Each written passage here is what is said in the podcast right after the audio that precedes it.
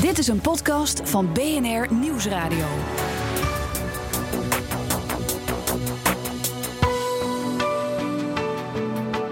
Winst, redito, profit, gewin.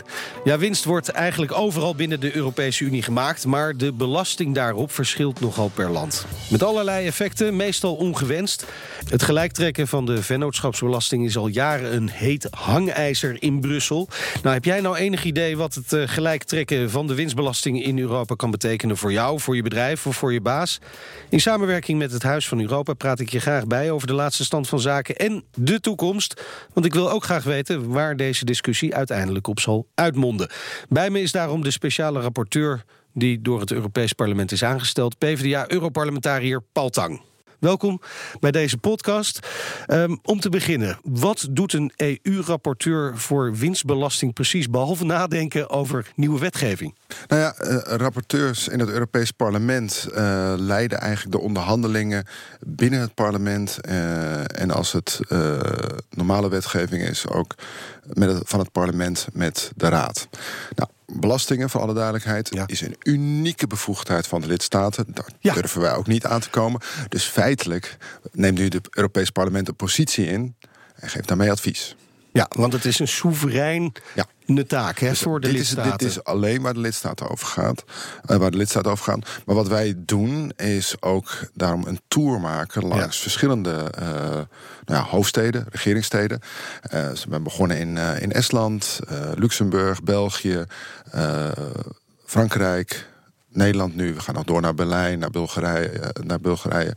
Om ook te zorgen dat de nationale parlementen hun, uh, hun, hun, zorgen, bezwaren uh, ja. duidelijk kunnen maken, zodat wij het kunnen meenemen in het advies. Want nationale parlementen zijn niet in een hele goede positie om een Europees wetsvoorstel dat wordt uh, besproken door de ministers van Financiën om daar ook invloed op te hebben. Ze kunnen eigenlijk alleen maar ja of nee zeggen en wij proberen dat ook te doorbreken. Ja, ik kan me wel voorstellen dat het daarmee juist ook zo ontzettend lastig is. We hebben veel lidstaten die allemaal hun eigen soevereiniteit hebben op dat gebied van belastingen, allemaal hun eigen belangen hebben. Ja. En om dat samen te brengen in één voorstel, dat kan knap lastig zijn. Mm, ja, en tegelijkertijd, kijk, voor de meeste bedrijven verandert dit wetsvoorstel uh, weinig omdat uh, er is een drempel. Uh -huh. Er moet een, een uh, geconsolideerde omzet zijn van meer dan 750 miljoen. Dus het gaat om de grootste bedrijven. Waarom is het midden- en kleinbedrijf toch voor? Omdat onderzoeken stevast laten zien dat het midden- en kleinbedrijf relatief meer winstbelasting betaalt dan het grootbedrijf. En dat is niet eerlijk. Dat is niet eerlijk, dat is niet efficiënt. Dat is geen gelijk speelveld. Dat is geen eerlijke concurrentie. Dus je ziet ook dat, uh, dat juist de, wat kleine bedrijven denken... doe mij, doe mij een gelijk speelveld op zijn minst. Uh, waarom moet Amazon een voordeel hebben terwijl als ik een boekhandel heb? Waarom moet Starbucks een voordeel hebben terwijl als ik een uh, koffiehuis heb? dus, dus daarom zie je ook wel dat het toch wel brede steun is. Zelfs bij het grote bedrijfsleven. Want dat heeft eigenlijk van oudsher gedacht... ja, bij een interne markt hoort ook een Europese winstbelasting. Want dat is ja. een gelijk speelveld, dat is het uitgangspunt. Ja, dat, dat is het verschil tussen de multinationals, zouden we kunnen ja. zeggen, en het MKB. Maar je hebt ook nog allemaal verschillende regelingen per landen. Hè? Waarom is dat eigenlijk een probleem? Nou ja, dat is, uh, dat is eigenlijk een probleem geworden omdat uh, de huidige stelsels van de winstbelasting. Uh, en ik ken het Nederlandse stelsel relatief goed, want ik ben ook nog fiscaal woordvoerder geweest in de Tweede Kamer. Uh, de, de, huidige stelsels van winstbelasting komen uit de tijd eigenlijk zo. Na de oorlog, voor de oorlog, um, uit een tijd van fabrieken. Ja, het is eigenlijk begonnen na de Eerste Wereldoorlog. Ja, uh, voor veel landen wel. Ja. Dus, maar dit komen nog uit de tijd van fabrieken met schoorstenen, mannen in blauwe overal, lunchtrommels, prikklokken. En de winst werd gemaakt waar de fabriek stond. Ja, en dat was eigenlijk, de wereld was, was die probeerde dat achterhalen. Waar wordt de winst, uh, waar komt de winst vandaan? Wie, wie maakt uh, het product en dus ook de winst? Uh, en dat was toen in de tijd dat, dat Philips nog gloeilampen maakte. Ja. Dat ging, ja. was dat allemaal makkelijk. Maar die, die stelsels die zijn dus verouderd. Die komen uit de 20e eeuw en die zijn die toegesneden op de 21e eeuw. En dus voor veel activiteiten is nu locatie een keuze geworden. Als het nu gaat om financiële constructies, uh, participaties, uh, leningen, uh, intellectueel eigendom. maar ook digitale platforms. Locatie is eigenlijk niet meer te bepalen en is daarmee keuze geworden van het bedrijf. En dat maakt dat die stelsels eigenlijk bespeeld worden. Dus dat is, ook, dat is ook de reden waarom de grote bedrijven overal BV'tjes, firmaatjes, financieringsmaatschappijtjes hebben. Want dat is het spel wat, wat de grootste bedrijven kunnen spelen en het midden- en kleinbedrijf niet.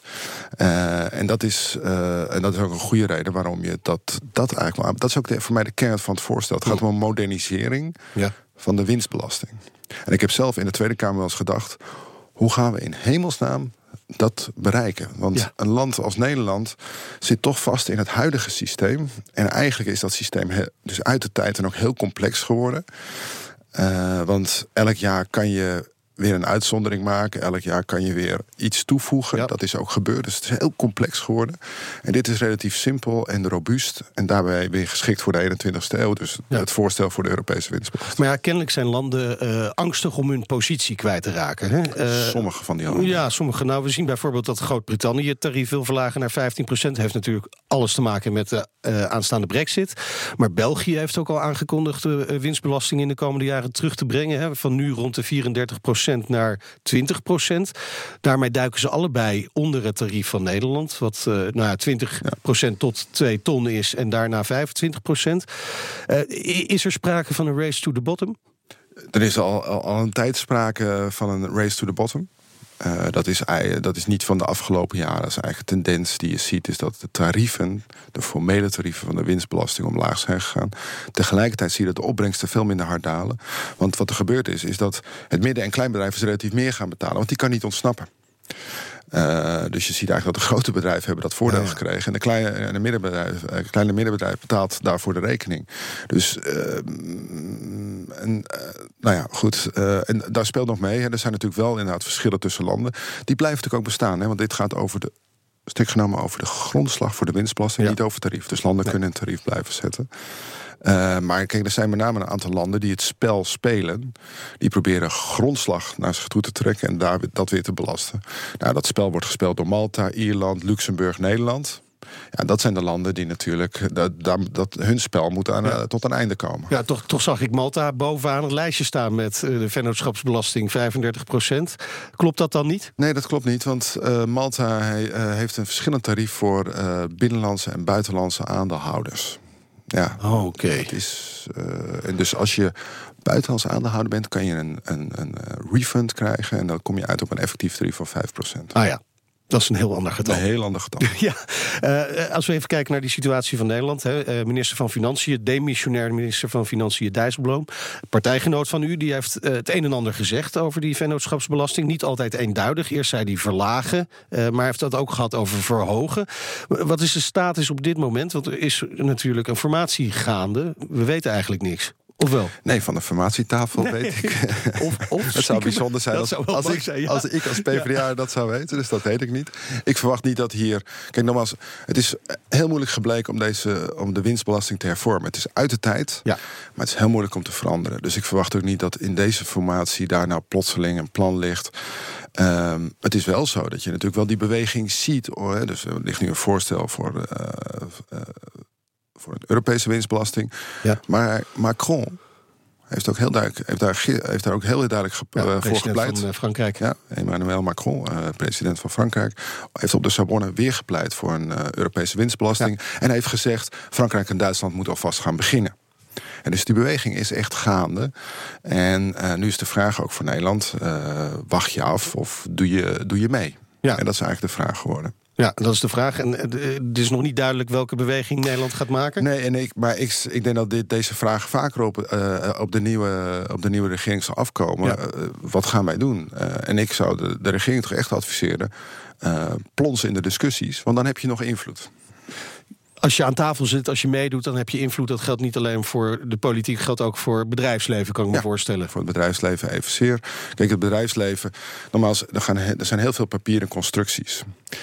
Uh, en ik maak me toch sterk dat het Nederlandse bedrijfsleven heeft niet als core business belasting ontwijken. Ik denk dat ze veel trotser zijn op hun eigen activiteiten ja. dan dat. Uh, dus zij kunnen heel goed uh, buiten dat soort papieren constructies. en hebben daar zeker een belang bij om zich ook te bemoeien met die discussie, omdat het bedrijfsleven wel onder vuur komt te liggen. Ik bedoel, ik heb zelf dit jaar ook bij de aandeelhoudersvergadering van Shell geweest om eens te vragen hoe, uh, of Shell wat meer uh, transparantie wil geven. Ja, en wat zeiden ze? Nou, we zijn heel transparant, maar ze beantwoorden toch mijn vragen niet. Dus zo transparant zijn ze niet. Ze hebben, ze hebben ook wat te verbergen. Maar mijn punt is, Shell moet zich eigenlijk niet in deze discussie willen belanden. Dit is niet de kern van het bedrijf. Uh, dus ik, ik denk dat het Nederlands bedrijfsleven er ook verstandig aan doet. Om ja, laten we kijken hoe, wat de voorstellen zijn en of we daarmee uit de voeten kunnen. En veel meer gericht op zeg maar, de reële activiteit, op de investeringen. Want dat is eigenlijk wat echt belangrijk is. En die papieren constructies, laten we die eens opdoen. Maar goed, uh, al die partijen, landen uh, en bedrijven zijn natuurlijk bang om hun concurrentiepositie kwijt te raken. En als we kijken naar uh, de regeling in Nederland, dat levert Nederland 17 miljard op. Ongeveer, ja. Het verschilt nog alles per jaar. Dat is heel ja. cyclisch namelijk. Ja, ja. Ik, ik kan me begrijpen dat de minister van Financiën dat niet, liever niet wegstreept. Nee, nee, nee. Dus dat is ook niet de bedoeling. Hè. Dus uh, er komt... Uh, het feitelijk wat er gebeurt Um, de, de, Europese winsten worden, uh, worden opgeteld. Dat is, uh, dat is de grondslag. Vervolgens worden die, uh, wordt daarover gegeven. en eigenlijk krijgen de, landen een deel van die winst toegewezen. En daarover mogen ze heffen. Nou, dat haalt veel noodzaak voor die papieren constructies weg. Maar betekent natuurlijk dat Nederland inkomsten blijft houden. Uh, nou, het probleem is wel hoe groot zijn die inkomsten. Dat is onzeker. Daarom hebben we ook voorgesteld uh, als Europees Parlement... maak in de eerste jaren nou een, een noodfonds... zodat je de tegenvallen bij één land uh, kan worden weggestreept door meevallen bij een ander land, zodat je geen grote ja, ja. schokken hebt in het. Want we weten natuurlijk hoe een minister van Financiën moet denken. Die moet zorgen dat er geen gat in de schatkist valt. Lijkt ja. me legitiem. Dus, daar, dus daarom hebben doen we dat voorstel. Het lijkt ons een gezond voorstel. Uh, maar dat betekent dat in Nederland in eerste instantie gewoon die opbrengst uit de vennootschap, uit ja. de winstbelasting blijft houden. Ja. Laten we even naar het voorstel gaan. Even ja. uh, concreet uitpluizen hoe dat dan in elkaar zit, zodat uh, de luisteraar dat ook goed begrijpt. Nu is het zo dat elk land individueel vennootschapsbelasting int hè, en bepaalt welk tarief dat is. Blijft dat zo? in het voorstel? Uh, ja, wat er gebeurt is dat de winsten, dus de belastinggrondslag, wordt samengevoegd en wordt weer herverdeeld over landen. Dat wil zeggen aan de hand van reële factoren. dus je hebt, de Europese winst, uh, die wordt dan weer toegedeeld aan uh, bijvoorbeeld Nederland op basis van de afzet die hier wordt in Nederland heeft plaatsgevonden, de, de mensen dat hier werkt. Oké. En dus eigenlijk... dat, dat wordt de grondslag voor de belasting, de Nederlandse ja. Belastingdienst om over te heffen. En daar mag het land zelf een eigen tarief over bepalen. Oké, oké. dus als Nederland daar uh, 20% op wil hebben, dan, ja. dan is dat prima. Als een ander land dat 12,5, zoals Ierland dat doet, maar is dat ook prima. Maar het principe wordt dus veel meer dat uh, niet waar de winst vandaan komt, maar waar de winst behaald wordt. Ja. En dus, dus We gaan de... eigenlijk terug naar die fabriek. Nee, we gaan echt terug naar de, naar de, naar de, naar de omzet. Wie, waar, zit, waar zit de consument? Uh, en het, dat, is, dat is één. En het tweede is inderdaad is nog steeds die fabriek, inderdaad. Want hoeveel mensen werken hier, ja. hoeveel gebouwen heb je staan. Dus het is eigenlijk een menging van beide. Maar ik denk zelf, als je kijkt bijvoorbeeld naar de Verenigde Staten, die hebben eigenlijk alleen nog maar omzet. Uh, dus die verdeling van die, uh, die toeschrijf van de winsten. Waar wordt de winst gemaakt? Waar zit de consument? Die heeft die, uh, die winstmarge betaal, feitelijk betaald. Dan heffen we daarover. En dus kijk bijvoorbeeld naar.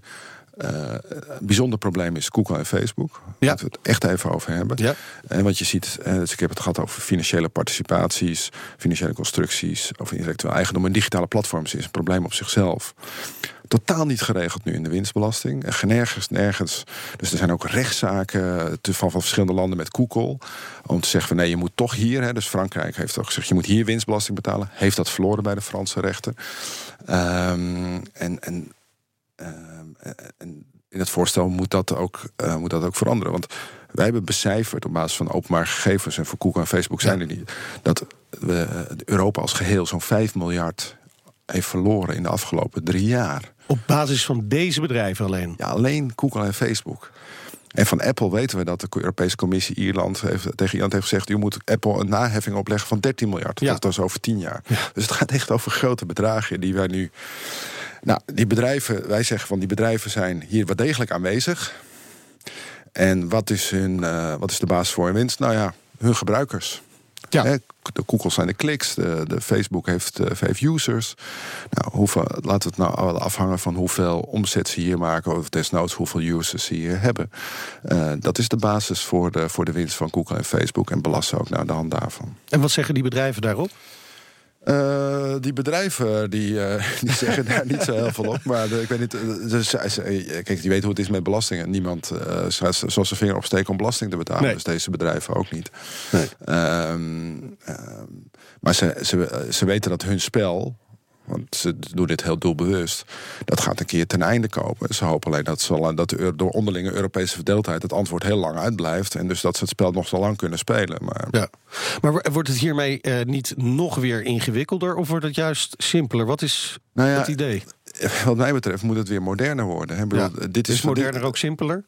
Ja, ik, het voorstel zelf, hè, dus van zoals het er ligt, is heel eenvoudig. Het, ik, ik, las de tekst toen ik voor het eerst de tekst las. En ik ben toch geen uh, uh, fiscaal jurist. Ik kon de tekst goed begrijpen. Okay. Het is echt eenvoudig. En dat heeft ermee te maken dat het weer teruggaat van... en dat is een heel gezond uitgangspunt in, uh, bij belastingheffing. Wat kunnen we zien? Wat kunnen we waarnemen? Dat is echt heel belangrijk. En dus het is eigenlijk heel eenvoudig. Uh, dat is namelijk, uh, dat, dat gaat dus een land als Nederland niet meer lukken. Ons stelsel is zo complex geworden met zoveel belangen. Wij kunnen niet meer naar een eenvoudig stelsel toe. Dus ik denk dat het eenvoudig is, robuust is en daarmee modern. Ja, nou ja, een, een vereenvoudiging zou natuurlijk kunnen zijn als er zoveel discussie is over die vennootschapsbelasting, om gewoon af te schaffen.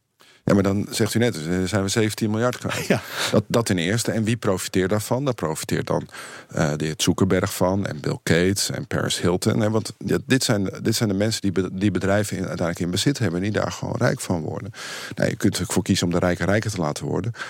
Ik ben daar niet voor. Nee, dat is niet echt uw kleur natuurlijk. Nee. We, we, hadden het begin van deze podcast al over uh, toch wel de vele partijen die hiermee te maken hebben. Alle lidstaten, maar ook uh, veel bedrijven, uh, belangenorganisaties, allerlei stakeholders. Dat maakt het ingewikkeld waarschijnlijk om uiteindelijk tot een ja. voorstel te komen. Maar mag ik het, maar, mag ik ja. iets eenvoudig maken? Ik denk dat er een opvallende coalitie voor is. Ehm, en dus als ik als ik kijk naar de, uh, de betrokkenen, en zeg maar, het, het midden- en kleinbedrijf, maar ook een, deel, een belangrijk deel van het grootbedrijf, maar ook uh, activisten die strijden tegen belastingontwijking, ja. zijn eigenlijk voor dit voorstel. Dus er is eigenlijk wel publieke steun is er. Uh, bij de landen zie je dat een groot deel van de landen zullen hiervoor zijn. Zeker de wat grotere landen, Frankrijk en Duitsland voorop, Spanje en Italië. Ja, er zijn nog maar tien landen die uh, de brief hebben ondertekend, hè, waar het hier om gaat. Uh, de, de, brief voor Google en Facebook is door tien landen ondertekend, maar door meer ja. landen gesteund. Okay. Nederland bijvoorbeeld niet, want heeft een demissionaire uh, regering. Is dat de enige reden? Uh, voor Nederland, ik hoop dat dat de enige reden is. Om eerlijk ja. te zijn. ja, bij Nederland weet je niet. We zijn natuurlijk ook een stelletje piraten. dat is natuurlijk, Nederland ja. heeft ook een traditie die. Dus in het, in het buitenland, en ik maak dat als Europarlementariër mee, wordt natuurlijk met wantrouwen naar Nederland gekeken. Maar denk al, wij, Nederland denkt heel graag van zichzelf. Heel braaf. Wij zijn het beste jongetje van de klas. Nee, wij zijn piraten. wij enteren andere landen met onze enterhaken, plunderen daar de schatkist en zeggen. Maar wij zijn toch het beste jongetje van de klas? Nee, natuurlijk niet. Dit is beschamend. En, nee, en, Nederland, en Nederland heeft het landen. ook niet nodig. Okay. Nederland, Nederland is een prachtig land. Daar wil je ja. graag komen wonen en werken.